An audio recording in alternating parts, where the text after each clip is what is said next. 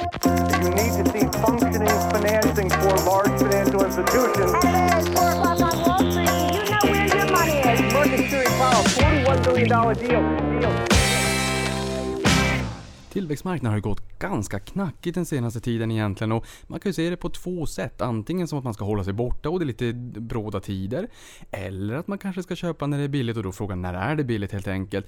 Eh, och kanske köpa in sig i tillväxtmarknaderna just nu. Alldeles oavsett så är det ett eh, bonustema den här veckan då just på eh, temat tillväxtmarknader. Eh, Och kanske lite Ryssland och lite Kina och lite andra marknader. Jag har nämligen med mig East Capital, ordförande och grundare till bolaget Peter Elam Håkansson. Varmt välkommen till podden. Tack så mycket. Eh, Ni är ju en kapitalförvaltare specialiserad både på tillväxt och frontier markets. Två begrepp som är lite finanslingo, det kommer vi komma in på lite grann, men jag tycker vi börjar från början. Vem är Peter? Eh, Jag är en nyfiken entreprenör inom finansbranschen brukar jag säga. Jag har ett toppenjobb som är eh, att jag eh, har jobbat på enskilda många år. Jag har jobbat på East Capital som jag grundade för ett antal år sedan och har superkul. Jag har en familj med fyra barn, fru och tycker livet är ganska bra. Ja men vad härligt att höra att livet är ganska bra. Och vid sidan av, för jag menar när man, när man är passionerad i den här branschen, finansbranschen vi verkar i, så kan det ju bli ibland lite så att jobbet och, och privatlivet går ihop ganska mycket. För det kanske blir en hobby och ett intresse också. Du har ju varit här. Du är ju en inventarie i branschen och kanske även i den delen av branschen du verkar i. Men har du några andra intressen vid sidan av eh, finans och tillväxtmarknader? Absolut, eh, det är viktigt. Största intresset för mig är musik i alla kategorier. Jag håller på mycket med, eh, går mycket på konserter, tycker det är kul med skivor. Är, eh, tycker också det är kul med historia, läser mycket böcker om det och eh, tycker också att det är jättekul med vin och försöker lära mig om det och besöka vingårdar och annat. Det låter spännande. Du, hur gick det till här när du startade East Capital? För nu är det ju ganska många år sedan. Det är 20 år sedan va? Till och med 21 snart. 21 år sedan. Ja. Berätta, hur gick det till från början innan, när du bestämde dig för att starta det här?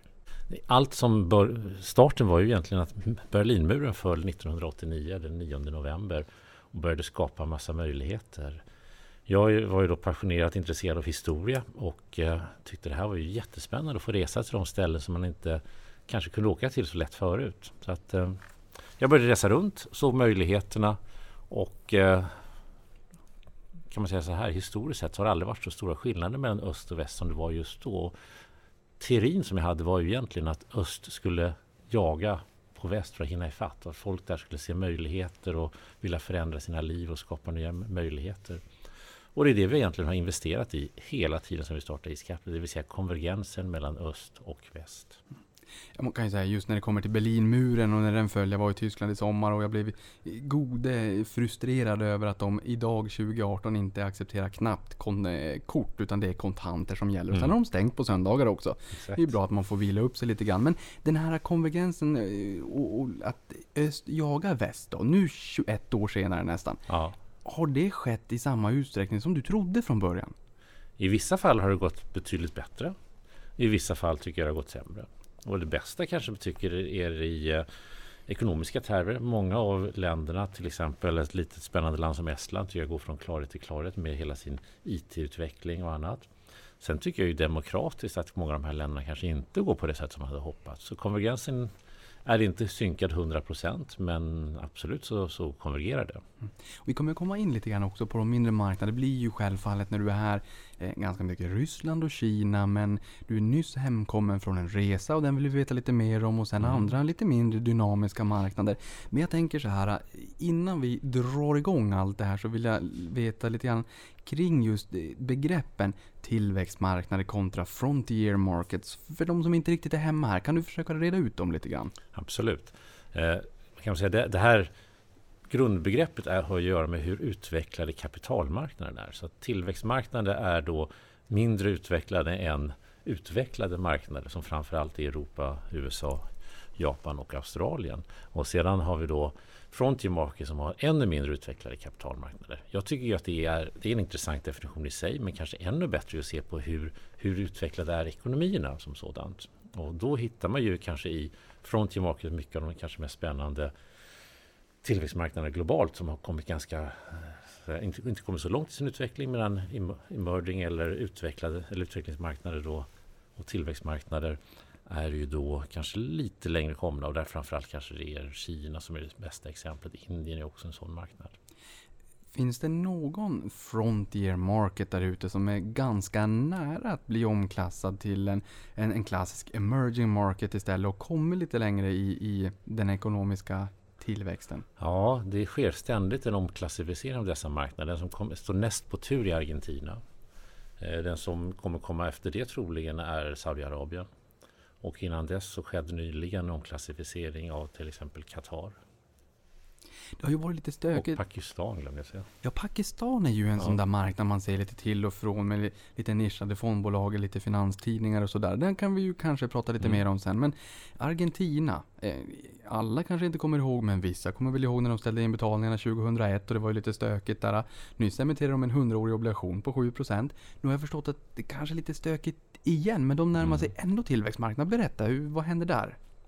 Ja, framförallt har det skett ett politiskt regeringsskifte eh, för några år sedan. Och det har ju gjort att man har kanske fått en betydligt bättre bas att jobba ifrån. Man såg, såg att det går inte att eh, stängas ute från det, det, det internationella finanssystemet och man jobbade väldigt hårt med att försöka reformera ekonomin. Tyvärr så kanske det inte gick lika, li, riktigt lika snabbt som man hoppades på. Och så var det ju en ekonomi som kanske inte var riktigt lika som inte reagerade lika dynamiskt heller som man hoppades på. Så att effekterna fick inte riktigt den kraft man ville ha vilket gjorde att det skapade oro i systemet igen. Och tyvärr i en marknad som, som, som haft problem så är det lätt att så fort blir lite folk blir lite cyniska och ser problem igen så slår det till och blir svårt igen. Där får jag ju nästan ta på mig den, den hatten själv, för jag menar cyniskt så att säga. Jag pratade ju om när de, när de ställde in betalningarna och det är ju faktiskt 17 år sedan. Ehm, så att det, det lever ju kvar lite Ja. grann det här också, precis som du säger att man gärna, att det bubblar upp till ytan så, så fort någonting händer. Exakt. Men tillväxtmarknader globalt har ju tagit ganska mycket stryk den senaste tiden. Inte minst på grund av den eh, eskalerande handelskonflikten i USA. Stigande räntor i USA, stärkt dollar. I början på året så pratade man ju om en synkroniserad tillväxt globalt. Nu har det kommit på skam lite grann. Hur mår tillväxtmarknaderna just nu? Ja, de mår väl egentligen långsiktigt sett fortfarande ganska bra. Eller till och med väldigt bra. För att det är ju ett långsiktigt investeringscase som sådant. Och tittar man på det här som en, som en långsiktig tillgångsklass så är det någonting man bör vara med på. Sen är ju det marknader som svänger väldigt mycket. Mycket mer än de utvecklade marknaderna. Och det ska man vara medveten om. Så det här är ju typiska, det kanske låter tråkigt, men det är typiska sådana marknader som man ska månadsspara i. För att då, då är man ju med på, på, på nedgångarna på rätt sätt egentligen. Ja, det är ju alldeles underbart egentligen att månadsspara eh, när det kommer till de marknaderna som du förespråkar. Jag menar, ta Sverige, inte så roligt om man köpte jättemycket aktier i marknaden den 7 mars 2000 eller 13 juli eller 12 juli kanske 2007, dagen innan nedgången. Så just det här med månadssparat, minimera risken att gå in i marknaden vid fel tillfälle. Det svänger ännu mer i tillväxtmarknader. Du är en inventarie i branschen, det har jag sagt alldeles nyss. Inte minst när det kommer till tillväxtmarknader och det syns också. Det får tilldelats guldstjärna för bästa fondförvaltare av Morningstar och Dagens Industri vid fem tillfällen och fått utmärkelsen av Lipper, ett bolag som ägs av Thomson Reuters. Eh, det jag är nyfiken på, vad är hemligheten här? Det som vi försöker göra i vårt bolag hela tiden det är ju att vara passionerade av det vi gör. Och Som du pratade lite om det här att vad går gränsen mellan arbete och fritid och annat. Vi, vi älskar ju de här marknaderna. Vi älskar att resa runt i de här marknaderna. Vi drar gärna med våra familjer också på de här bitarna också givetvis. Eh, och vi, vi tycker det är faktiskt underbart kul. Och det, är- det är ju en, eh, säga, en blessing att få jobba med de här marknaderna och få träffa dessa duktiga människor som håller på med det här. Och vad vi kan säga, vad, vi, vad, vi, vad jag tror är, kanske om, det, om vi kommer tillbaka till att hitta rätt bolag, det är att vi väldigt, You of, bet. väldigt ofta utgår från eh, entreprenören, ägaren. Och det gör ju också att vi ofta styr iväg från eh, statsägda bolag. Eftersom då är det mycket otydligare hela, hela governance-situationen i bolagen. Hittar vi en duktig ägare, en duktig entreprenör som vi kan lita på och som delar vår syn på att tillväxtmarknader det är ett globalt investeringscase många år framöver. Framförallt så är det medelklassen i de här länderna som utvecklas och som konsumerar. Och det är ju det vi försöker hitta. Så att jag skulle säga att mycket av det som vi har lyckats med är att identifiera de här duktiga entreprenörerna. Det låter ju faktiskt väldigt trevligt för jag menar det är ju någonting man vill göra alldeles oavsett om det är tillväxtmarknaden eller kanske är hemma i Sverige också. Vi vill ju hitta de här riktigt duktigt, duktiga företagsledarna och, Ja. och, och, ta rygg på dem. Eh, Men även att, som du säger, det här med corporate governance är också väldigt intressant. Jag tror vi kommer komma in mer på det. Kring när man tänker tillväxtmarknader, då tänker man dels korruption och hur, hur kan man lita på bolagen, ledning och styrelse och sådär. Eh, Hur är corporate governance? Det är intressant att du säger att det är en skillnad mellan de statliga och de Ja. privata med passionerade entreprenörer som driver bolagen. Eh, innan vi går in på liksom Ryssland och Kina, om vi tar på ett övergripande plan. Hur är corporate governance situationen just nu i tillväxtmarknader överlag i förhållande till när du kom in i branschen? Säg? Ja, generellt sett så är det ju mycket, alltid i den näst, i nästan utan undantag så är det alltid bättre än man tror. Man, har ju alltid, man har ju alltid fördomar. Det är ju klassiska Hans Rosling-synen på världen, att man tycker att världen är mycket mindre utvecklad än vad den verkligen är. Eh, så det är ju den generella observationen, att oftast är det bättre än man tror. Sen finns det givetvis massa problem. Vad som har hänt under de här 21 åren som, när vi har startat, eller sen vi håller på med det här, så har det ju skett en revolution i eh, corporate governance, skulle jag säga. Och det har ju att göra mycket med att en stor del av världen har ju privatiserats under den här tiden. Och inte minst i, där vi startade i Östeuropa så var det ju när, jag har suttit i så många diskussioner med folk som har, som har haft bolag som har varit börsnoterade och förklarat varför det är viktigt att man som minoritetsägare får bra information, varför vi inte är intresserade av att ha kanske mer än 2, 3, kanske 5 procent max av ett bolag och hur viktigt det är att skilja på styrelse, ägare, managementteam och alla sådana här saker. Så det, det känns som att jag har skolat en, en mängd ant, entreprenörer i detta, vilket har varit nödvändigt arbete. Men det har varit det var så det började. Man kom, man kom och träffade folk som hade blivit börsnoterade, inte av egen vilja, utan att privatiseringsprocessen skedde på det sättet. Men är ni med och formar de bolagen som ni investerar i ut efter så som ni tycker att bolaget bör manageras? Eller är det idag så att ni försöker approchera de bolagen ni tror har kommit en bra bit på vägen själv? Det är lite både och faktiskt. Men det är klart att vi hoppas och tror att vi kan påverka bolagen till, till det bättre.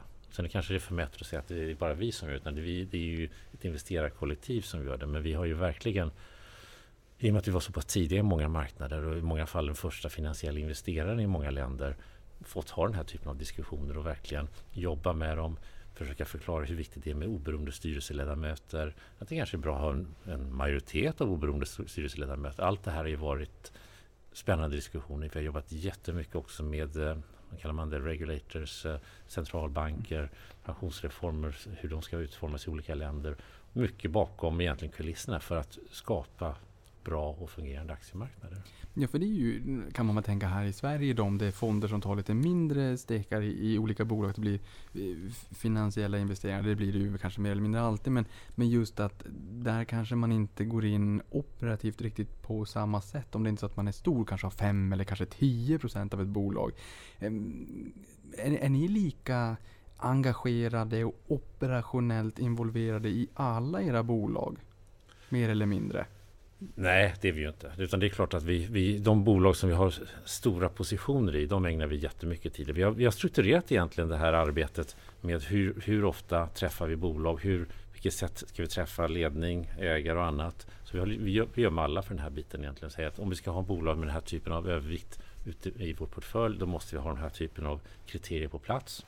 Vi börjar alltid med vad vi kallar för ESG scorecard, där då governance är en bit, men också det sociala och eh, miljöaspekten en annan. Och, och sen handlar det liksom hela tiden vara en diskussion med det hela. Men det är klart, vi, kan, vi klarar inte av alla bolag. Men de viktigaste bolagen i portföljen så har vi väldigt mycket engagemang och eh, kontakt kontakter med hela tiden. Det låter rimligt.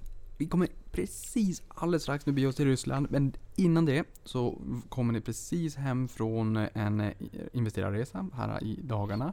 Eh, Och då tänkte jag att eh, från Slovenien, och jag tänkte vi pratar lite om både Balkan och Baltikum. Där ni också är verksamma så att säga. Berätta lite grann om de här olika delarna och, och, Mm. hur dynamisk ekonomin är och vad som ligger som triggers. Vad bubblar där? Berätta!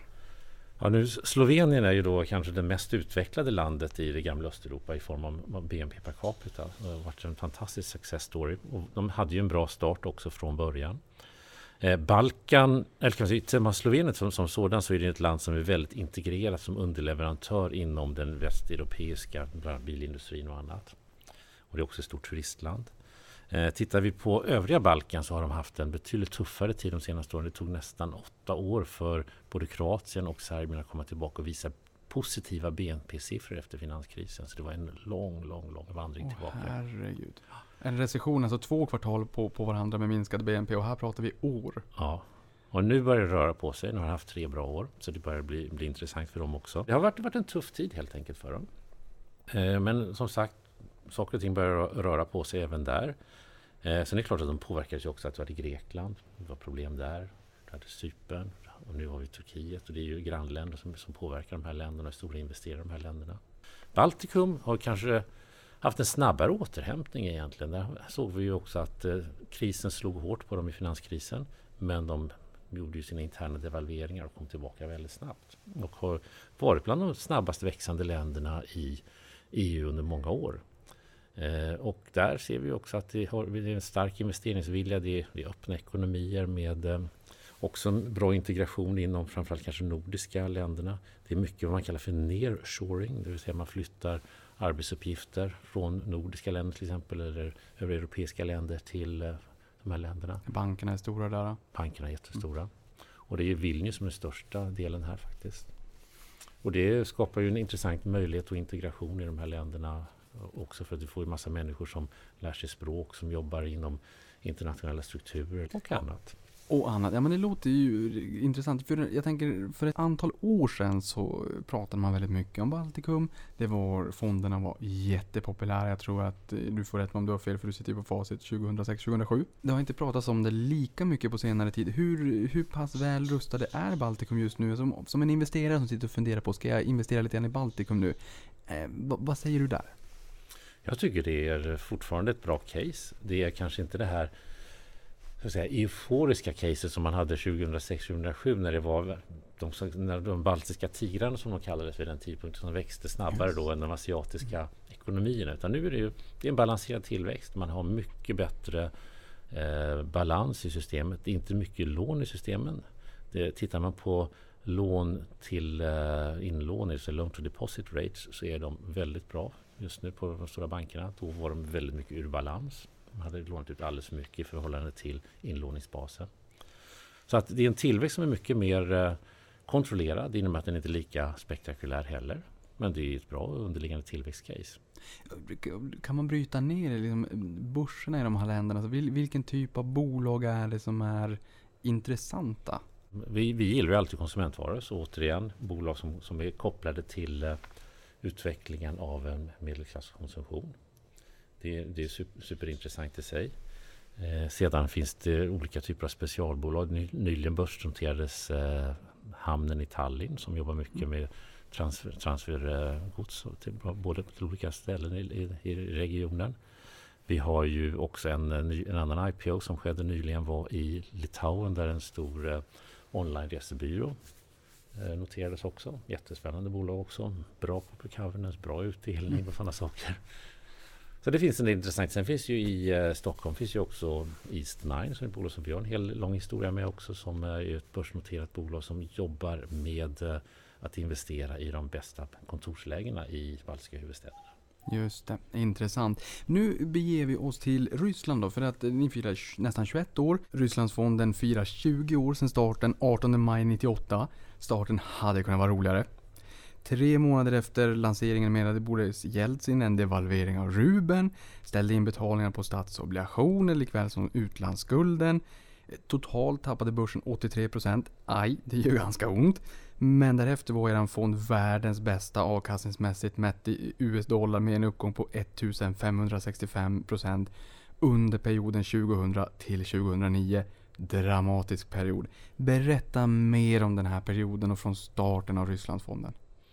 Ja, det var minst sagt dramatik. Och man kan, jag skulle kunna börja lite innan starten av Rysslandsfonden också. För att vi startade Risk Capital den 9 november 1997.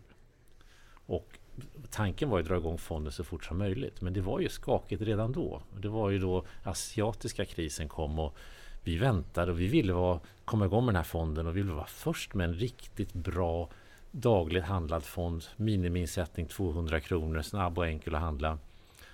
Men vi tyckte det var för skakigt. Så vi väntade och en del konkurrenter kom före oss. Vi var lite deppade för det men vi tänkte det går ju inte att lansera nu. Det såg så skakigt ut. Men när marknaden var ner 60 procent, då slog vi till.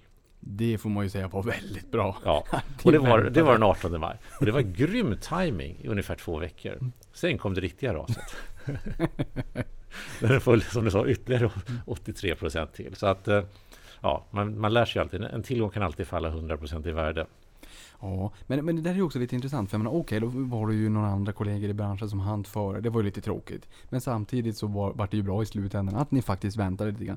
De här konkurrenterna då, finns de fonderna kvar? Ja, ja, det är ju våra konkurrenter här i Sverige. Ja, de finns kvar? Ja, ja, Okej. absolut. Eh, Men egentligen från det här då, från 98, det var inte alls roligt. eh, Fram till nu då, jag menar 2000 till 2009 var ju en fantastisk period. Ja. Men, men Rysslandsfonden, det, det, det svänger ju lite grann. Ja, och det, det, och det var väldigt svängigt under den tiden också. Ska inte glömma bort att 2003 var ju problemen med Chodorkovsky, arresteringen av det. Och det var ju en situation där marknaden var väldigt svag i samband med att han arresterades. Han var ju en profil i landet och den rikaste personen i landet blev arresterad.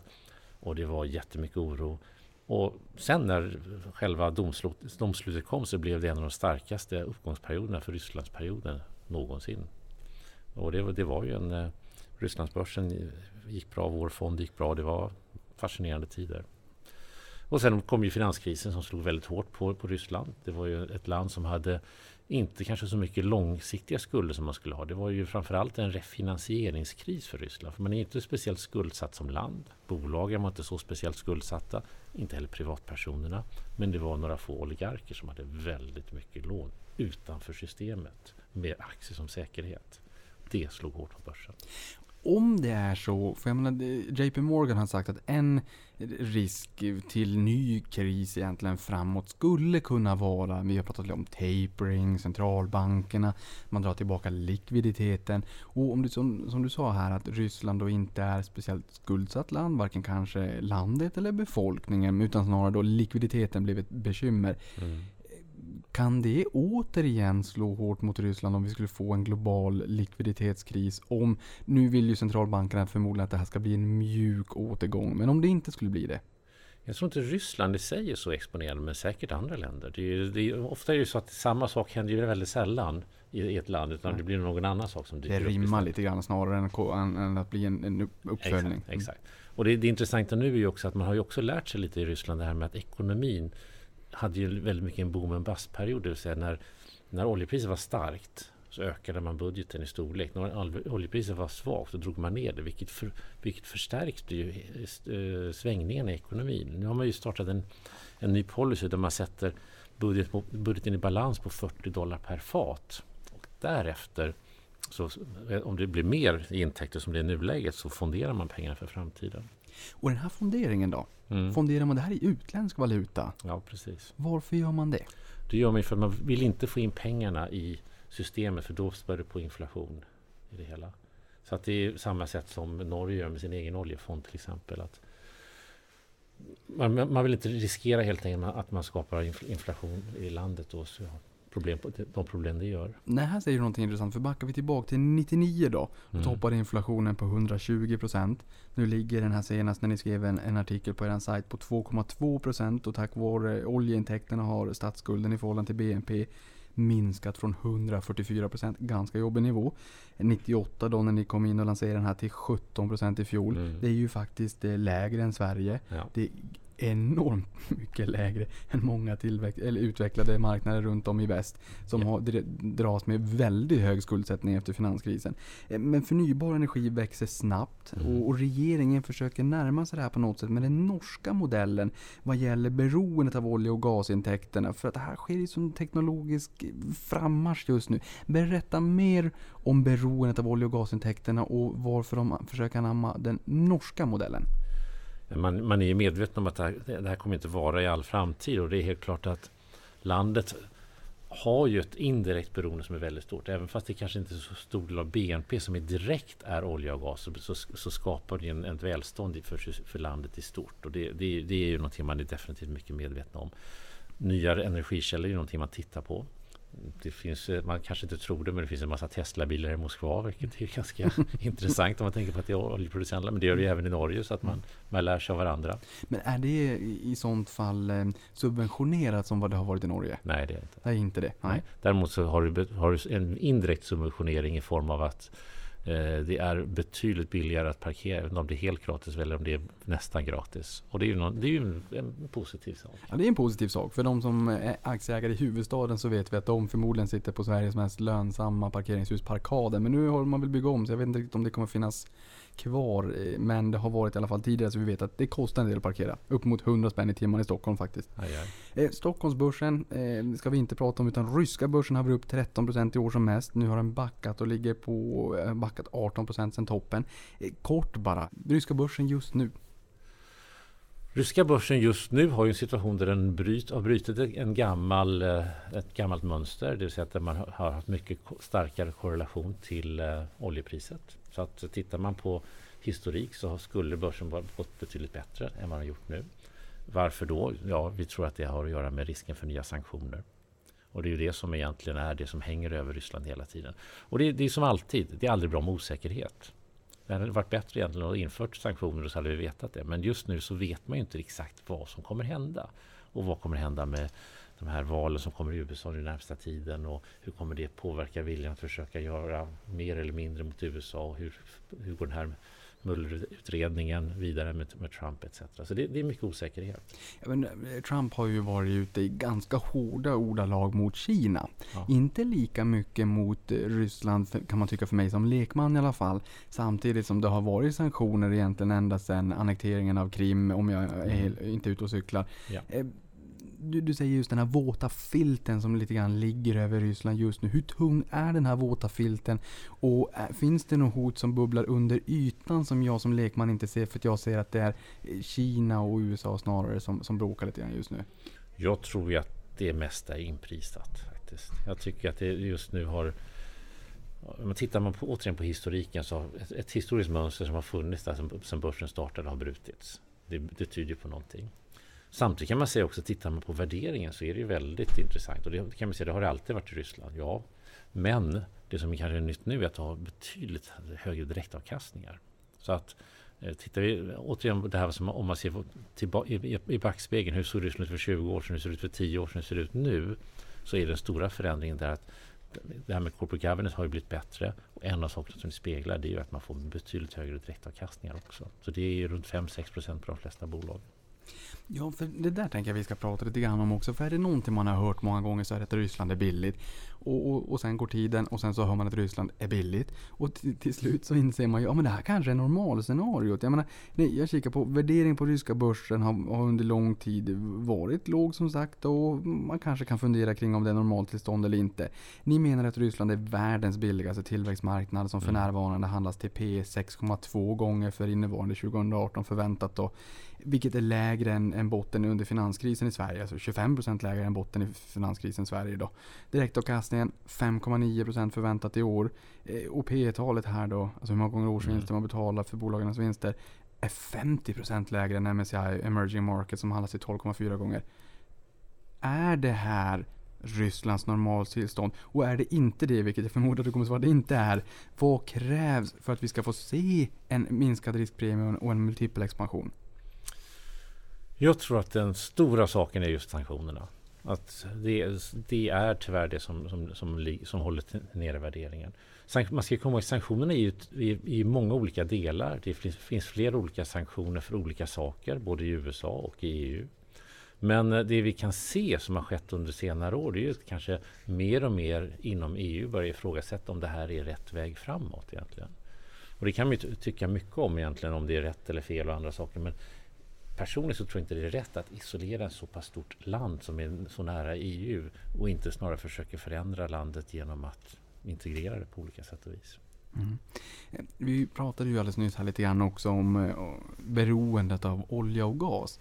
Hur beroende är Ryssland av olja och gas? Den officiella siffran är väl cirka 20-25 procent av BNP direkt beroende. Och det är mycket. För sen blir det ju massa kringtjänster runt det hela också. Vi tycker ju sig det kanske är intressant att se ju att det här, kommer in, det här är ju pengar som kommer in i landet och som sen konsumeras. Och då blir det kanske ännu mer spännande av det hela. Eh, generellt sett så är ju inte olja och gas en tillväxtsektor som sådant om man ser på volym utan det är ju priset som svänger. För där tänker jag också att dollarn, eh, eller oljan eh, toppade väl på 147 dollar fatet 2007 och bottnade på 26 dollar fatet när det var som allra lägst. Nu har det återhämtat sig jättemycket. Du sa över 40 dollar fatet. Då börjar man fondera det här i utländsk valuta. Eh, sen har jag också förstått, eh, den jag har skrivit, att en 10% ökning av oljepriset leder till 0,3% lägre BNP-tillväxt i oljeimporterande länder Mm. med 3 till 4 kvartals eftersläpning. Men Ryssland exporterar ju. Ja. Hur, hur påverkar det här rysk ekonomi just nu? För jag menar, då, oljan, oljepriset har gått upp. Oljepriset sätts ju i dollar. Dollarn har stärkts. Det här borde ju vara goda tider. Absolut, det är ju jättegoda tider för de exporterande bolagen i Ryssland. Det är klart att det är det, det har du helt rätt i. Både, både oljepriserna har ju varit bra, det har ju varit bra råvarupriser också generellt sett i världen. Vi ser ju väldigt bra till eh, vinstsiffror för stålsektorn till exempel i Ryssland. Och det är ju också en av de intressanta delarna att tack, tack vare de här privatiseringarna som skedde så har, ni, har vi fått fantastiska bolag där som är helintegrerade ofta med gruvor av olika slag, både järnmalm och eh, coking coal, alltså vad kallar man det? Ja, koks är väl grann. Och eh, sedan eh, som har då stålproduktion ofta egna transportmöjligheter ut med järnvägsvagnar och annat och, och hamnar så att de här bolagen tjänar också otroligt mycket pengar just nu. Och då tänker jag så här, när, när, det, låter ju ganska bra. Mm. Förutom den här våta filten då som, som ligger över Ryssland just nu. Men det här borde ju någonstans spilla över på hushållen. Mm. Och någonting som jag vet att du Peter har pratat mycket om tidigare. Det är den växande medelklassen.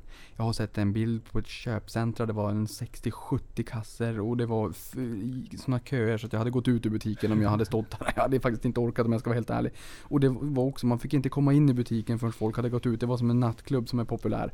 Ehm, hur, hur, hur stark är den privata konsumtionen och hur, hur, hur snabbt springer de, snurrar de hjulen just nu om man så säger? Det fortsätter ju att, att vara ganska starkt här också på olika sätt och vis. Och det, men jag kan säga, det finns ju en sak som fortfarande håller tillbaka den privata konsumtionen på stort sätt, eller på, i stort som vi ser det, det är ju att räntenivån är fortfarande lite, ganska hög och du har en ganska hög realränta i, i, eh, i Ryssland som sådan. Så att jag tror att den, den stora boomen när det gäller privatkonsumtion kommer vi se när vi får se att man kan låna till sina bolåneräntor och annat på betydligt lägre räntor än man har i nuläget. Nu ligger man ju fortfarande det är inte 10 procent, men inte långt ifrån 10 procent. Så att skulle man komma ner på nivåer som vi har här, då skulle ju folk köpa mycket mer hus, lägenheter, inreda dem och annat. Och det är det som jag ser som den stora delen framför oss egentligen. Men, men en som sitter och lyssnar på den här pod- podden nu kommer förmodligen fundera lite kring varför är inte räntorna låga där då? Sen kan man ju fundera kanske krisräntor i väst och sådär. Men, men hur kan räntorna i Ryssland vara så höga? Det har ju att göra med att, att det är press på valutan. Att eh, centralbanken har ju valt att ha en policy att man framförallt vill se till att valutan då är stark. Och eh, ja, eller stark, den är inte, är inte superstark heller, men man har i varje fall inte velat försvaga den än mer genom att, eh, att, att sänka räntan. Lite som Sverige 500% i fyra dagar. Hur ser indexsammansättningen i Ryssland ut då? Vi- Vilka branscher eller sektorer är överrepresenterade? Eller vilka har mest vind i seglen på börsen? Det som är absolut mest överrepresenterat är olja och gas som är mer än hälften och tillsammans med, med, med eh, gruvsektorn, eller materials, med både gruv och stålsektor. Och de, de går väldigt bra, det är, det är exportrelaterat. Sen är finanssektorn stor, vi har ju Sberbank som är ett, en, en, en enormt stor bank och eh, som också går ganska bra i sig också. Vi är ju lite nyfikna självfallet också på hur det ser ut i fonden. Eh, I dagsläget är Lukoil i den absolut största position med 10% av fonden. Eh, Tätt följt av eh, Tatneft Pref som är ungefär 10% den också och Sberbank då som du nämnde precis på tredje plats på 7,7%. Ja. Sektormässigt energi 33%, material 21,8% och finans 12,6%. Varför de här bolagen är i toppen? Vad är det som gör att de är intressanta och varför den här fördelningen på sektorer? Det här är ju bolag som alla jobbar med att eh, jobba. De, de har en, en policy att dela ut mycket till aktieägare. Antingen via höga utdelningar eller via aktieåterköp. Alltså de här som nämnde Luke eller Tatnefpref. Så, och, och dessutom agerar, finns de ju då i den bransch, eller de branscher som gynnas av, eh, av export och den, den, eh, den lägre rubeln. Andra bolag som vi tycker om det är till exempel Alrosa som är en diamantproducent som också exporterar en hel del. Och, de, olika stålbolagen till exempel. I Sverige brukar vi ju, eller på hemmaplan brukar vi ju klassiskt eh, förenklat dela in bolag i stora bolag eller små bolag, värdebolag, tillväxtbolag. Eh, vilken typ av bolag riktar ni in er på eh, i Ryssland? De här namnen låter ju väldigt stora. Ja. Ja, men vi försöker hitta bolag som har generellt sett, om vi tittar som East Capital som globalt sett så tittar vi på bolag som vi har vad vi kallar structural growth at affordable price så att säga, strukturell tillväxt till rimliga priser. Mm. Så det är lite blandat, både värdering och tillväxt där. Men det är ju tillväxtcaset i botten vi vill ha. Sen är det klart att när man har då som vi en dagligt handlad Rysslandsfond där de största innehaven, eller där den största delen av index är olja och gas, så måste man ju agera även i den sektorn, fast det inte kanske är strukturell tillväxt som sådant i olja och gassektorn.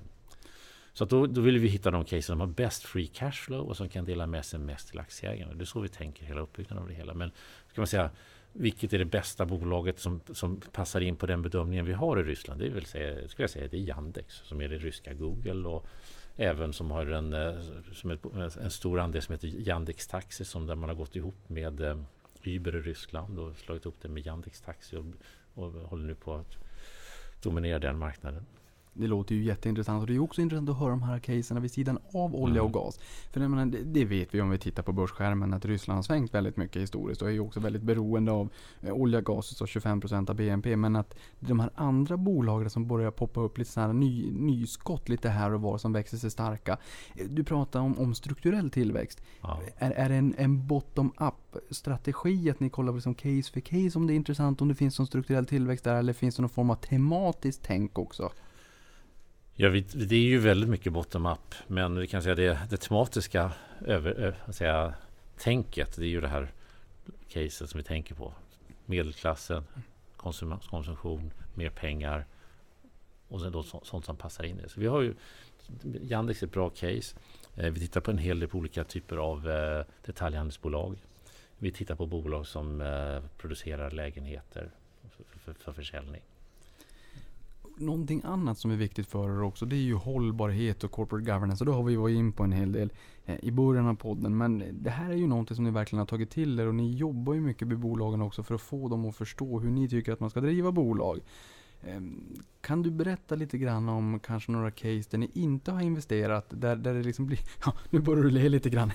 nej men eh, bara så att lyssnaren förstår när det är liksom någonting som skaver i skon som gör att man säger mm, nej, det här står vi faktiskt över. Ja, det är klart att eh, det finns många case som vi inte har investerat i. Jag brukar säga att våra bästa investeringar är de vi inte har gjort. så det har avstått från att göra investeringar som sen har gått i konkurs och annat. Och det, det, det, är ju alltid svårt det här att säga vad, vad, är det som gör att man väljer att, inte, att, att avstå från en, att investera i ett bolag. Men det, vi, vi gör ju hela tiden så många bo, bolagsbesök och jag tycker alltid när man kommer in i ett bolag, bara man kommer innanför dörren så får man en känsla av vilken typ av företagskultur det här bolaget har. Och det säger för mig väldigt, väldigt mycket. Så att första minuten får man en, en väldigt stark känsla. Och det kan man kalla ryggmärgskänsla, men det är ju ändå samlad erfarenhet och att ha vandrat in genom tusentals bolags entréer under årens lopp och försökt dra slutsatser av detta. Sedan handlar det väldigt mycket om förståelse på ägarna. Är det ägare som man faktiskt kan lita på eller ej? Och det var det som gjorde att vi överlevde den tuffa starten i Ryssland. Att vi, vi, vi insåg att vi måste förstå det här. Vi måste träffa de här bolagen och inte bara träffa bolagen, vi måste träffa de som äger dem. Och sen handlar det om att skilja mellan the good guys and the bad guys så mycket som möjligt. Och därav den goda avkastning som vi sen fick under de kommande åren. Mm kort fråga där, men du säger att du har fallit in genom tusentals dörrar genom åren. Det förstår man ju att du har gjort, för du som sagt har ju varit med länge. Hur, hur många bolag träffar ni per år ungefär? Oj, det är en bra fråga. Det är hundratals. Ja. Det är väldigt många i alla fall. Ja, intressant. Kul att kunna få ta del av de caserna också. Du kommer förmodligen framåt få berätta om något eller några case som är lite intressanta oavsett om ni har investerat i dem eller inte. Best of breed companies, oaktat värdering då som sagt. Eh, vad finns det för riktigt, riktigt bra bolag i Ryssland? Oaktat värderingen. Jag tycker ju Yandex är ett underbart case. Mm. Jag tycker det är på något sätt där, då drar man, tar man ju nytta på det som, som, kan, som kanske var den stora styrkan i det gamla sovjetiska systemet. Det vill säga man satsade väldigt hårt på naturvetenskapliga ämnen och fick väldigt duktiga matematiker. Det, här, och det, det, personifierar sig tycker jag väldigt tydligt i ett bolag som Yandex som är då inom databranschen och it- inom IT-branschen. Och eh, sen dessutom man då gör massa spännande saker. Man skapar då Yandex Taxi, man skapar Yandex Market som man gör tillsammans, tillsammans med Alibaba och sådana det som försöker ut, utveckla delar där. Och man jobbar mycket med Sperbank och andra. Det är jä- jättespännande saker.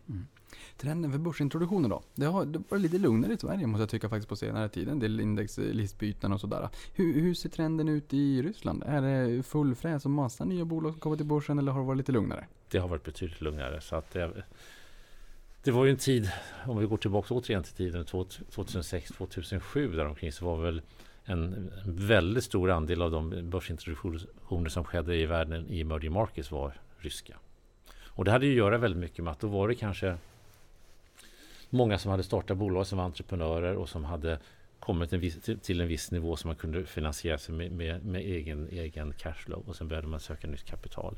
Eh, nu sen eh, krim och sanktioner och annat så har det varit betydligt, betydligt lugnare. Mm. Vi, vi ser störst i, i, börsintroduktionaktivitet aktivitet för oss i, i vårt investmentuniversum, det är ju Kina. Det är Kina. Och Kina kommer vi komma in på alldeles strax om någon minut bara. Jag har bara några små frågor kvar. Och en av dem är ju eh, Ruben som har fallit 15% i år. Mm. Eh, Där såg vi ju, eller har sett i Sverige med våran svaga valuta, att det har kommit fortsatt in utländska investerare. Om det bara beror på kronan, ja, det är ju svårt att säga. Men vi har rekordnivåer när det kommer till utländskt ägande. Mm. Har man sett en sån effekt i Ryssland på grund av den svaga Ruben? Eller är det åter den här våta filten? Hur ser balansen ut där? Tyvärr är det den våta filten där som återkommer igen. Så vi har inte sett den effekten. Utan, ja, det, den potentialen ligger framför oss kan man säga om man vill se det positivt. Ja, precis. Är glaset halvfullt eller halvtomt? Och då för, det föranleder mig att fråga lite grann, vad är de vanligaste missuppfattningarna från investerarkollektivet kring Ryssland? Den största missuppfattningen tycker jag är att det fortfarande bara är en massa råvaruproducerande bolag som finns där. Och att man inte kanske ser de här nya spännande bolagen och vilka, vilka investeringsmöjligheter som det ger. Nej, jag tror inte alla kanske känner till Rysslands Google. Jag tror att det är ganska många som kommer googla på det där. Och det noteras på, på New York-börsen kan jag säga också, vilket också gör det extra intressant. Okej, finns det några andra spännande bolag i Ryssland som är noterade på exempelvis den amerikanska börsen som är lätt att komma åt? Ja, det finns ju X5 till exempel som noterar på Londonbörsen om jag inte missminner mig. Sen är det ju ett antal som är mer på Londonbörsen som sådant. Eh, Så det är ju ett sätt att titta på det överhuvudtaget. Så jag skulle, hittar man intressanta case på Ryssland så man kan köpa en bra Rysslandsfond. Men om man vill köpa direkt exponering så finns det möjligheter då både på New York och Londonbörsen. Kinnevik tidigare, de sålde ju Avito.ru, ryska Blocket-kopian och sen så gjorde man ju en extra utdelning till aktieägarna. Mm. Eh, Det bolaget har man inte hört så mycket om. Är det någonting som eh, ni är nyfikna på? Det är ett jätteintressant bolag och de som köpte det var ju Naspers.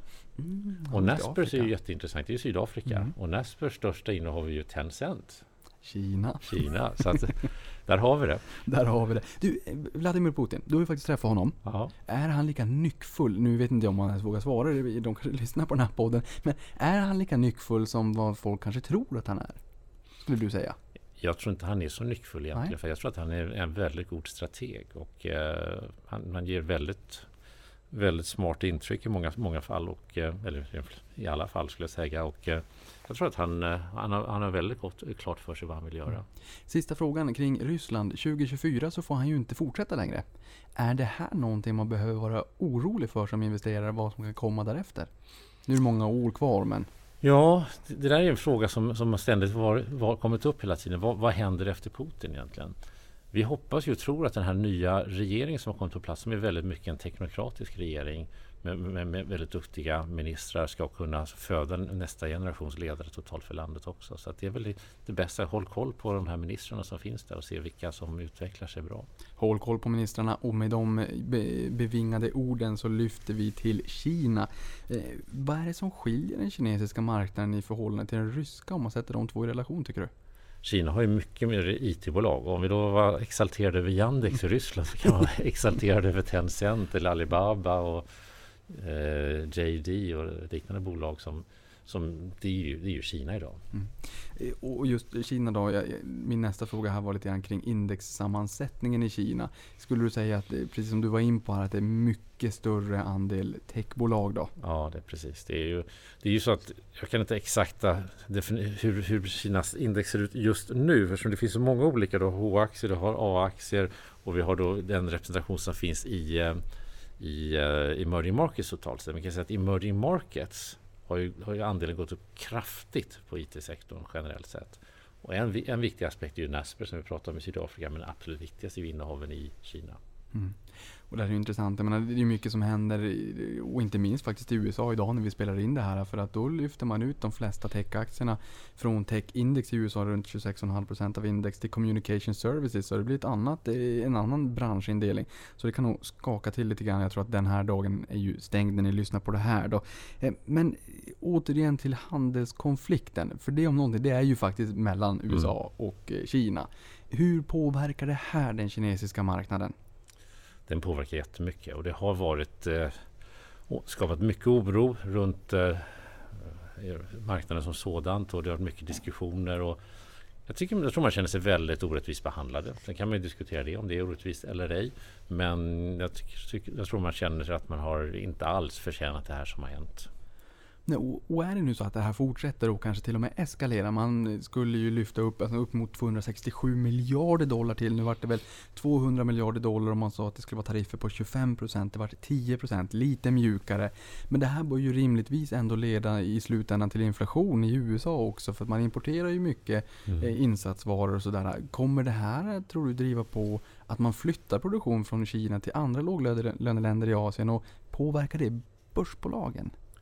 Ja, det kan man säga. Vi har ju redan faktiskt sett en ganska intressant trend på den sidan. Det är bra, bra att du tar upp den biten för att det här är ju Tittar vi på ett bolag som Samsung som är koreanskt då i och för sig så har ju de redan flyttat större delen eller sin största produktion till Vietnam till, från Kina för man tyckte att pris, äh, lönerna gick upp för mycket i Kina redan. Så att det är ju klart att det här det, det är ju ganska snabba, snabbrörliga pengar, fel att säga, men snabbrörliga investeringar att hela tiden jaga bästa eh, tillverkningsmöjligheterna. Ja, Just handelskonflikten, det är ju mycket oro och det blir ju faktiskt också en form av våt filt. Mm. Men inför det här året, inför 2018, när ni blickade in så tänkte ni att ja, men vinstmomentum ser ju ganska bra ut. Ja. Och vi tror att man kommer revidera upp vinstförväntningarna. Sen gick vi in i 2018 och så kom ju allt det här debaclet då. Eh, och, och nu har ju vinstestimaten backat lite grann. Men från nu och framåt då, det här är ju slutet på september 2018. Vad tror du om vinstmomentum framåt härifrån? Jag menar, in, världens ekonomi går ju bra och det borde ju tyda på att man borde se bättre uppgradering av vinsterna hela tiden. Så att eh, jag tycker att eh, Tittar vi på vår prognos för året så, var, så höll den inte. Vi trodde det skulle bli bättre än vad det blev, precis som du säger. Eh, Det var ju de här typen av geopolitiska händelser som påverkade det negativt. Eh, Är, det- är, har ekonomin förändrats i- stort? Ja, inte så mycket egentligen. Vi ser fortfarande väldigt bra siffror från bolag.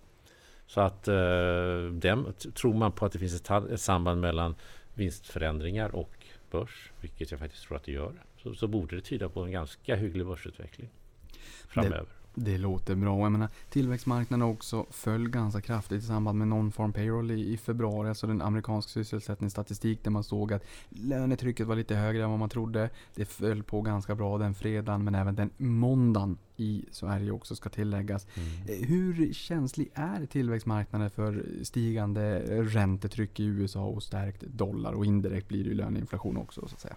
Det stora sambandet där det är ju egentligen i eh, skuldsättningen. Att man ser att eh, många tillväxtländer har skulder i dollar så att det blir dyrare för dem att betala tillbaka sina lån. Och det har varit väldigt mycket diskussioner runt den här biten. Är de här tillväxtländerna så skuldsatta egentligen? Du påpekar just att Ryssland till exempel är ju inte speciellt skuldsatta jämfört med utvecklade länder. Och det, det är ju självklart att det har skett en jättestor förändring utifrån när vi startade East Capital för 21 år sedan när det var Asienkrisen och Asienländerna hade stora, stora skulder som de inte klarade av att betala tillbaka. Det som man dock ska vara medveten om man- som jag ska säga, man har ju då rensat upp det här och man har dragit ner skulderna ordentligt på landsnivå. Men det finns dock större skulder på, på bolagsnivå nu än man kanske är medveten om i många fall. Så den brasklapp man ska ha där, tittar man på ländernivå så ser det ofta ganska bra ut. Turkiet är ett bra exempel på det. De hade ganska hyggligare skuldsättning på ländernivå men väldigt stor skuldsättning på bolagsnivå. Det här blir ju intressant att se den dagen vi får lite mer åtstramande penningpolitik på global basis. Även om det är lite mm. olika beroende på vart i mm. världen vi tittar så att säga. Men om många bolag just har tagit på sig mycket skuld. För att eh, räntorna på många ställen är ganska lågt. Ja. Vi hoppas att det inte blir någon ny finanskris i alla fall. Nå någonting annat när vi pratar om eh, skuldsättning det är ju eh, centralbanken i Kina som är orolig över skuggbankssystemet. Det här mm. hör vi ganska ofta till och från. Vi som står utanför just marknaden så du är ju inne i det. Och skuldsättningen då bland hushållen som vi nyss sa ändå var lite låg. Men just skugg, mm. mm. skuggsystemet. Hur orolig behöver man vara för det här? Och om man ska köra någon form av eh, delevering, eh, hur kan det här påverka börsen? Eh, vi har redan sett att det här bör, börjar hända egentligen. Det är klart att det här är ju bra att man, att man tar tag i. Det är det, det, är väl en av bitarna som många utlänningar framförallt varit oroliga när man pratar om Kina hela tiden. Hur ska det här hur ska man sköta hela det, det, den skuldsättning och den stora investeringsvåg som har skett egentligen? Kina är ju rätt mycket en managerad ekonomi och den, den så säga, deleverage som man ser händer redan nu tycker jag visar väl ganska väl att man klarar av den här biten. Så att so far so good. Mm. Finns det några bolag som klarar sig bättre i Kina än andra just på grund av kanske skuldsättningen till viss del men, men främst egentligen eh, om, om vi tittar på handelskonflikten? Det är ju så att det är väldigt liten andel om man tittar på kin kinesiska index generellt sett som är eh, Eh, exportberoende. Så att eh, återigen på index, det är lite intressant att index ändå går ner så pass mycket som det gör. Så det är väldigt mycket sentimentberoende egentligen hela. Och index idag är ju verkligen eh, väldigt långt, eh, lågt värderat i, på historiska, historiskt perspektiv och också ur värderingsperspektiv. Eh, vilka bolag klarar sig bäst? Ja, egentligen kan man säga att alla bolag som, som, som är mer ex, exponerade mot, mot den inhemska ekonomin är ju bättre på det, på det sättet. Och det är många av IT-bolagen som är det helt enkelt, som jobbar egentligen bara mot Kina. Här har vi också sett. Kina har ju sagt att de ska ställa om då från världsfabrik just till en lite mer konsumtionsberoende ekonomi. Eh, och det är ju ganska intressant faktiskt att vi spelar in den här just precis nu. För det har ju varit ganska jobbiga tider i eh, Kina och mm. just med handelskonflikten som har påverkat. Och det Hongkong-baserade indexet Hang Seng befann sig nyligen i björnmarknad. Mm. Har varit ner, jag tror det var ner som mest 25%. Sen förra veckan, alltså veckan innan vi spelade in det här då, 24 september. Så eh, var det den bästa veckan på två år och vi såg nettoinflöden. Eh, är det läge för bottenfiske eller är du lite försiktig framåt? Vart står vi och balanserar just nu? Just nu när det gäller Kina så tycker jag det är bottenfiske. Absolut, och det är flera faktorer. Dels att det har gått ner så här pass mycket. Sen är det ju alltid det här att när man är orolig för någonting så är börspsykologi är ju alltid så att när man ser fakta på bordet, då kan man agera. Så att jag tror att vi har sett väldigt mycket folk som har gått ur marknaden för att man har varit orolig vad som eventuellt ska hända. Och eh, ja, så kommer väl agera efteråt. Sen har vi en annan spännande sak. Det är det här med att man faktiskt äntligen börjar se på att inkludera A-aktier i index alltså MSCI stora Emerging Market Index och gradvis gör den här förändringen nu. Det är spännande. Ja, och där har ni precis lanserat en eh, ny fond också som investerar i de här A-aktierna. Eh, för de som inte är med, berätta vad är de här A-aktierna för någonting och varför är det så spännande just nu kring dem? A-aktierna är de aktier som tidigare bara fick ägas av kineser. Det är börsen i Shenzhen och i Shanghai. Och eh, H-aktier som man då också kunde äga tidigare det är aktier som, hanteras, eh, som är noterade i Hongkong. Hongkong var framförallt de stora statliga bolag som noterades i. Vilket är kanske lite ironiskt i sig. Så att när man som utlänning köpte aktier i Kina så köpte man framförallt de stora statliga bolagen. Och ni, du vet ju vad jag tycker om statliga bolag. Du gillar entreprenörsledda bolag, inte de statliga. Exakt. Och de bolagen hittar man framförallt i Shenzhen. Till viss del i Shanghai, men Shanghai är lite mer av gammal industri och Shenzhen är ju Silicon Valley i Kina. Det är ju den nya teknologin, det är miljöteknik, allt annat. Jag är glad att du nämnde det där innan jag ställde min fråga kring det, för nu vet jag ja. hur det uttalas, men jag kommer även kanske inte säga, kunna, kunna säga det ändå. Chen, chen, chen, chen. Ja, ja. Chen, chen. Eh, precis som du är in på, man säger ju att det är Kinas motsvarighet till Silicon Valley. Hur, hur mycket är det som bubblar där? Är det där, är det dit du åker när du vill hitta de här passionerade entreprenörerna? Absolut. Berätta om Shenzhen för de som inte känner till området. Shenzhen är ju ett, en stad som i praktiken har vuxit ihop med Hongkong. Så att är man i Hongkong så kan jag, jag säga att det är nästan känsligt för att inte vara i Shenzhen. Så att det, där bör man åka till varje gång man är i Hongkong. För det är där det händer. Och Shenzhen är ju då, det var en fiskeby kanske för 30 eller 40 år sedan. Men 30-40 000 invånare, nu är det nästan 20 miljoner människor. Och de här eh, A-aktierna då, de har ju inkluderats numera i indexleverantören MSCI eh, och Emerging Markets Index. Det här säger ni är jätteviktigt. Berätta mer om var, eller varför, de är ju inkluderande, men varför är det så viktigt? Jo, men det, det viktiga är ju att du, får, att du får det internationella kapitalet som i många fall är passivt. Och, alltså det vill säga det är indexfonder som köper och speciellt i det globala emerging market index så är det tyvärr så att det är väldigt många, tyvärr ser jag som är då aktiv placerare eller investerare själv, eh, så, så, är det ju mest passiva pengar som kommer där. Och det, det, är ju inget fel att man, att man köper passiva i sig för det är billigt men jag tycker att det finns andra aspekter i det här med passiva aktivt, det vill säga ESG och annat som jag tycker man kanske inte hanterar på rätt sätt alltid. Men så att det kommer komma mer pengar till A-aktier i Kina. Det kommer komma, och A-aktierna det är ju entreprenörerna. Det är det som är intressant. Ja, för där, det finns någonstans runt 3600 noterade aktier i börserna i Shenzhen och Shanghai.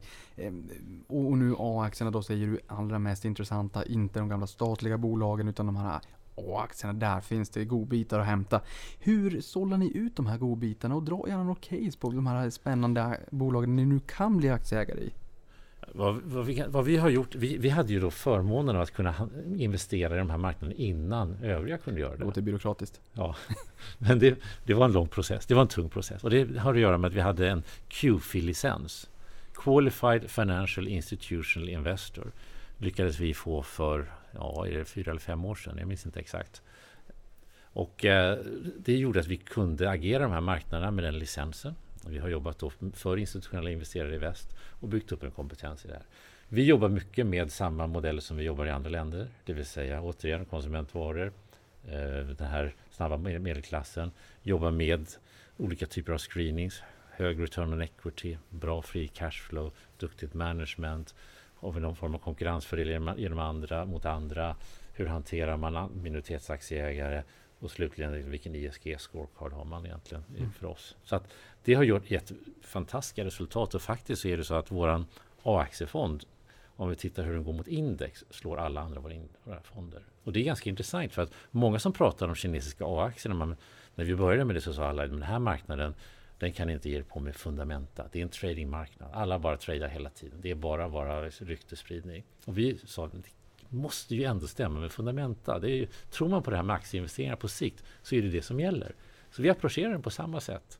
Och det har gett riktigt, riktigt bra resultat. Ja, för jag tänker sådär också, den här typen av A-aktien, alltså nu när du berättar om det här, det, då tänker man så här, ja, det måste ju finnas spännande bolag där och växer snabbt och då borde ju värderingarna vara därefter. Och man tänker liksom tech i, i, i, i USA och sådär. Men menar du att det är ganska moderata och, och, och, rimliga värderingar på de här bolagen ändå i mångt och mycket? Ja, det är det ju absolut. Och, det är, och återigen, det är ju det här att det är kanske inte värderingar som folk tittar på första fall utan folk, det, är, fortfarande en marknad som är en tradingmarknad. Och som, som, man, men vi hittar bolag då som till exempel då ett, ett bolag som, som vi tycker är spännande att besöka är alltid i Shenzhen. Det är Hands Laser som är då ett bolag som jobbar med olika typer av eh, laserverktyg och de gör, de gör vissa delar som, som man ser på sin iPhone, till exempel den här lilla grejen på baksidan som är ett litet äpple till exempel. Det gör man med, med laser till exempel. De jobbar med att göra maskiner som olika underleverantörer till Apple använder på den delen och det är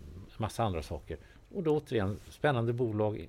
Det är eh, entreprenörslätt och det är precis, det ligger i framkant på teknologiutvecklingen. Eh, BYD, Build Your Dreams, de elbilar, ja. motsvarigheten har ni varit in lite tidigare. Det har ju Warren Buffett också varit och är fortfarande tror jag. Stämmer, det stämmer. Är det här ett bolag som fortfarande är intressant? Det är fortfarande intressant. Sen är det ett bolag som har viss påverkan också beroende på vilken typ av policy man sätter från staten. Man ska inte glömma bort att Kina påverkas ju rätt mycket av vad staten tycker och tänker. Lite som vindkraften en gång i tiden. Exakt, exakt. Och det här BYD besökte jag senast jag var i Shenzhen och eh, det var väldigt fascinerande som, som, som bolag. Det är ju världens största elbilsproducent. De gör ju också både bussar och lastbilar. Men framför allt vad man nu gör som kanske blir en spännande tillväxtsektorn för framtiden. Det är att man gör de här Skytrains. Det vill säga alla kinesiska städer måste göra någonting åt luften för det är för, för dålig luft. Största problemet i nästan alla städerna är ju bilarna. Då bygger man tunnelbanor i de stora städerna. Men alla städer har inte råd att göra en tunnelbana. Och då är det, den billiga versionen av det här det är att bygga ett Skytrain som är elektriskt. Som man bygger på stolpar uppe i staden. Och där är BYD stor leverantör av det. Så det kommer vara nästa stora affärsområde som man tror, enligt de, de vi träffar om, att det ska bli lika stort som elbilsområdet är nu. Det är ju jätteintressant, för jag menar, är det någonting vi har förstått så kanske det är att Donald Trump är en klimatförnekare. I Kina så kan man inte bara säga vi tycker och vi tänker. Därför att man har problemet, man lever med problemet just nu, man måste ta tag i det. Miljöteknik tänker jag, känner känner det här nya entreprenörsledda. Mm. Är det mycket miljöteknik där också? Är det många sådana typer av bolag ni träffar? Absolut, och det har ju att göra med också, vi har ju en strategi i en av våra fonder som heter China Environmental som jobbar specifikt med det området. Och vi har ju identifierat det för att vi tycker att jag menar, vi, vi tror ju mycket på ESG generellt sett och en av de bitarna när man börjar jobba med det här med ESG och, och Sustainable Development Goals och annat, det är ju att det går kanske lite långsamt om man ska vara helt ärlig. Det, och vill man, tror man att du behövs att göra de här sakerna på, få de här sakerna på plats i världen så måste det gå snabbt, snabbare. Och då, den här fonden som vi, som vi har startade för några år sedan, den, den jobbar ju egentligen med att, att göra någonting konkret åt Kinas miljöproblem. Det vill säga vi investerar i bolagen som, är, som, som, som jobbar med att eh, göra Kina rent. Det är tack vare att det är sådana problem med Kina, tack vare att Kina är så stort som det gör, tack vare att man satsar så mycket på det, så blir de här bolagen nästan direkt världsledande inom sitt område. Och det gör ju då att de blir, får en kostnadsfördel. De kan gå ut och konkurrera på andra marknader sedan. Och de, det, det gör ett case, det är ju riktigt bra. Det gör någonting bra för miljö.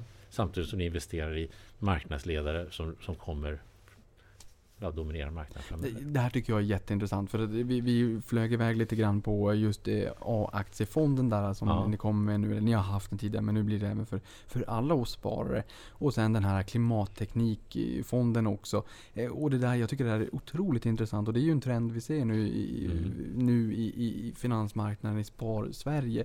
Det är den här positiva screeningen, att man väljer in snarare än att man väljer bort. Och det väljer bort kan ju vara liksom spel och dobbel och tobak och pornografi och alkohol och, och cannabis har ju börjat dyka upp mer och mer i olika börser och sådär. Men här väljer man snarare in bolag, kanske Nibe eller Ref eller Mm. Tomra. Tomra hade kapitalmarknadsdag förra veckan sa att 2050 så kommer det vara mer plast än fisk i världshaven om vi inte tar tag i det här. Ja. Och, menar, det, och det är det som gör att den här miljöteknikfonden måste ju vara fruktansvärt intressant att, att liksom pinpointa och hitta de här riktigt intressanta Ja. bolagen som har strukturell tillväxt, som kan tjäna bra med pengar för det är det, det är den finansiella biten i det hela.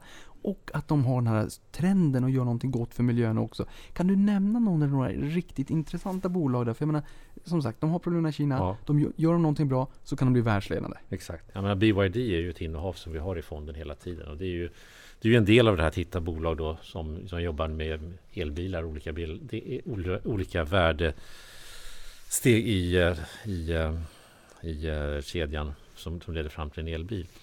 Eh, sen har vi också ett, det finns massa olika, men ett, ett spännande bolag som, som vi eh, har, alltså, i, som vi har som ett bra case. Det är ju Huaneng Renewables till exempel som är ett bolag som jobbar då med att ta hand om avfall och ska göra elektricitet av avfall. Det är också en sån här stor sak. Liksom, att hur hanterar man alla dessa avfallsmängder? Superintressant också. Ligger inte långt från Hongkong heller. Eller Shenzhen. Nej, och nu har man ju väl slutat importera skräp från, från omvärlden också. Eh, och då måste vi ha andra bolag, eller då kanske kineserna kan exportera tekniken för att ta hand om det istället. Precis, precis. Eh, Finns det, eller så- så här, vilka skulle du säga är best of breed companies i Kina? Oavsett om de är i fonden eller inte just nu, för det kan ju vara en liten Ja, värderingsfråga. ja. Jo, men jag tycker de, de vi har nämnt är jättebra allihopa. Eh, sen ett annat spännande bolag det är Hikvision som, som jobbar med eh, övervakningskameror och också att följa där, där, där, man kan följa personer i en stor folkmassa med, genom att låsa helt enkelt eh, kamerorna på, på det. Jättespännande. Det låter Just som Kina. Ja, det låter som Kina, eller hur? Och det är väl kanske någonting som har att göra med terroristbekämpning. Just det. Superspännande bolag som ligger då i eh, Hangzhou. Hangzhou är också huvudstad, eller inte huvudstad, men, men staden där Alibaba också ligger. Så det är också en av de här techstäderna, utvecklingsstäderna i Kina. Okej. Hangzhou ligger nära Shanghai. Ja, istället. just det, nu var det ju liksom lite skojigt sådär att liknade Kina. Kina har väl också ett system här nu där man ska kunna få sociala poäng för ganska mycket. Så de följer Mm. sina invånare på ett, ett speciellt sätt i och för sig. Ja. Men just det här med terror och säkerhet är ju något som också boomar. Inte minst cybersäkerhet men Mm. även säkerhet liksom. Med, med terrorbrott och allting. Och det här verkar ju vara ett bolag som spelar rakt in i den trenden. Exakt. De kom, det är ett bra strukturellt case. Mm. Av, av ty- tyvärr tråkiga skäl, men det är ju definitivt ett strukturellt Ja. tillväxtcase. Hang Seng då, som har varit nere som mest tror jag 25% i början på året. Eh, Mm. Nu tror jag att man precis har tagit sig ut från eh, björnmarknaden här då. Eh, var ner väldigt mycket. Tencent var ner 200 miljarder US-dollar. En jättestor vikt i det här indexet. Jag bara tittade lite grann kuriosamässigt. Att Amazon och Apple tillsammans, de två, är, har samma börsvärde som hela Hang Seng-index. Eh, Men Tencent, där Mm. såg vi en ordentlig kalldusch. Mm. När Kina sa att Nej, men nu godkänner vi inga nya spel i år. Och nu får ni inte göra det här och det här. Mm. Och man eh, bannade Twitch. Ja. När man tittar på när, man, när folk spelar tv-spel, när man kan streama. Det bannade de nu. Youtube är bannat sedan tidigare. Hur förhåller man sig som utländsk investerare till det här? Jag menar, många som jag ser i finans-Twitter, de älskar Tencent. Ja. Och så kommer en sån här kalldusch. Och så blir man besviken på Kina och på det här överstatliga. Hur ska man förhålla sig till det? Ja, det där är, det är en jättesvår fråga. Det är, och det, när vi besökte då Alibaba i Hangzhou så pratade vi väldigt mycket just om eh, det här med de här sociala ranking av, av alla de slag som, som man har. Det, är ju det är inte, det är inte lätt att hantera det. Och det, det är väl tyvärr så att man måste, man måste inse att det är, det är olika politiska system. De har olika syn på det hela. Det finns en politisk risk där. Så att ska man nu ge sig in i Kina så ska man väl ge sig in när det har gått ner. Ja, och det har du faktiskt gjort. Därav är jag glad att vi gör den här podden just nu. Någonting annat som är mera strukturell tillväxt, eller jag skulle snarare vilja kalla det för megatrend. Det är ju dels urbaniseringen men också den ökade medelklassen i Kina. Det är 1,3 miljarder människor. Eh, och jag har sett siffror som säger att de kommande 10 åren så kommer det vara mer människor som äntrar medelklassen än vad man har en hela USAs befolkning. Jag vet ju att du gillar de här tematiska trenderna och växande medelklass, det pratade vi om i Ryssland alldeles nyss. Mm. Hur, eh, hur exponerar du eller positionerar du dig inför det i Kina? Vi, eh, det, är, kul att du säger det, för det, här var ju faktiskt en av anledningarna när vi började titta på Kina från början i i 2008-2009 innan vi till slut gick in i marknaden 2010. Vi hade ju sett den här stora förändringen som hade skett i Östeuropa. Vi hade sett den här förändringen som hade skett i Ryssland, det vill säga en medelklass växer upp, de börjar konsumera. Det finns ju gemensamma nämnare överallt. Precis det trodde vi skulle hända i Kina. Det var därför vi började med Kina. Och det är därför vi sen har börjat med våra globala frontierfonder, våra globala emerging market-fonder. För vi ser att det är ju samma drivkrafter. Det som vi kanske trodde var unikt när vi började med våra fonder i Östeuropa, det är globala fenomen. Så att det finns ju, om man ska hårdare lite, alla de här länderna har ju så mycket gemensamt. Och det, och det har ju att göra med urbaniseringstrenderna i världen, det har att göra med internet, det har att göra med att folk får det bättre generellt sett. Internet, Googles gamla VD, har sagt att han tror eh, om 10 år att det kommer finnas två internet. Dels ett internet i USA och ett internet i eh, Kina. Hur orolig behöver man vara för det här? kan finnas vissa delar av den biten, absolut. Och det är ju någonting som, eh, som tyvärr eh, har, vi redan har märkt, precis som du sa. Och det, det är klart att reser du i Kina så har du svårt att använda Facebook också. Det, är liksom inte, det går inte heller att använda. Så att det är det när du kommer in i Hongkong så du kan använda Facebook helt plötsligt. Så det, ändå, även fast det är ändå i Kina så att Ja. säga. Så att det, där, det, det där är ju någonting som tyvärr är en del av, eh, av det hela. Mm. Och, men det är inte bara där utan vi har ju sett även i Iran och andra länder som har jobbat med att, att eh, banna sociala medier på olika sätt och vis. Mm. Sista frågan. Eh, Jag vet att många av mina lyssnare, om de hade varit på en, eh, en dragning hos dig och hos er på East Capital och ni pratade lite case, speciellt kanske Ryssland, de bolagen som ni har investerat i. Om man skulle se den eh, försäljningstillväxten, den vinsttillväxten, de direktavkastningarna så skulle man bli ganska glad. Och skulle man därefter se värderingarna så skulle man bli kanske ganska förvånad även om man tänker på den här våta filten. Mm. Det kan vara liksom tvåsiffrig försäljnings och vinsttillväxt och en riktigt hög direktavkastning som kanske är 50% högre än, än, än i Sverige. Vi ligger på 4, säg Mm. 6% och Mm. därutöver då. Och sen så har vi P-tal som ligger på eh, mitten ental. 5, 3, 4, 5, 6%. Hur, kom, hur, liksom, hur riktigt kommer det sig och hur ser värderingen ut i Kina? Kina är ju något högre, men det, är ju, det har ju också att göra med att det är eh, en annan, en annan sammansättning av index.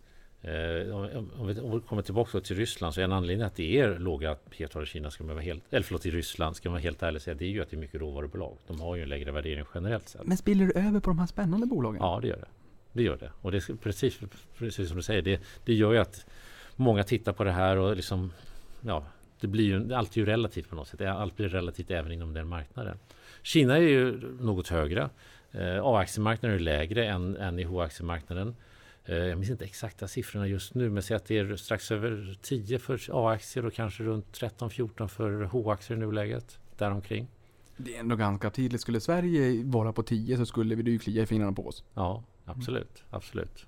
Skulle det göra. Spännande. Med de orden, skulle det vara P 10 i Sverige så skulle det klia i fingrarna. Vi ligger på 15 just nu och 14 på nästa år förväntat om vinsterna håller i sig. Sen vet jag också en sista intressant grej. Det är om vi återigen går tillbaka till de här kinesiska A-aktierna. Det är ju någonting som potentiellt kan hända med indexvikten där. Peter, vad är det för någonting? Det är ju att MSCI då som är den största indexleverantören i världen har i nuläget en vikt på 0,8 för kinesiska A-aktier i sitt globala emerging market index. Tanken är att det här ska komma upp till 15 procent inom några år. Och det här kommer fort göra att det kommer allokeras mer och mer pengar till kinesiska A-aktier going forward.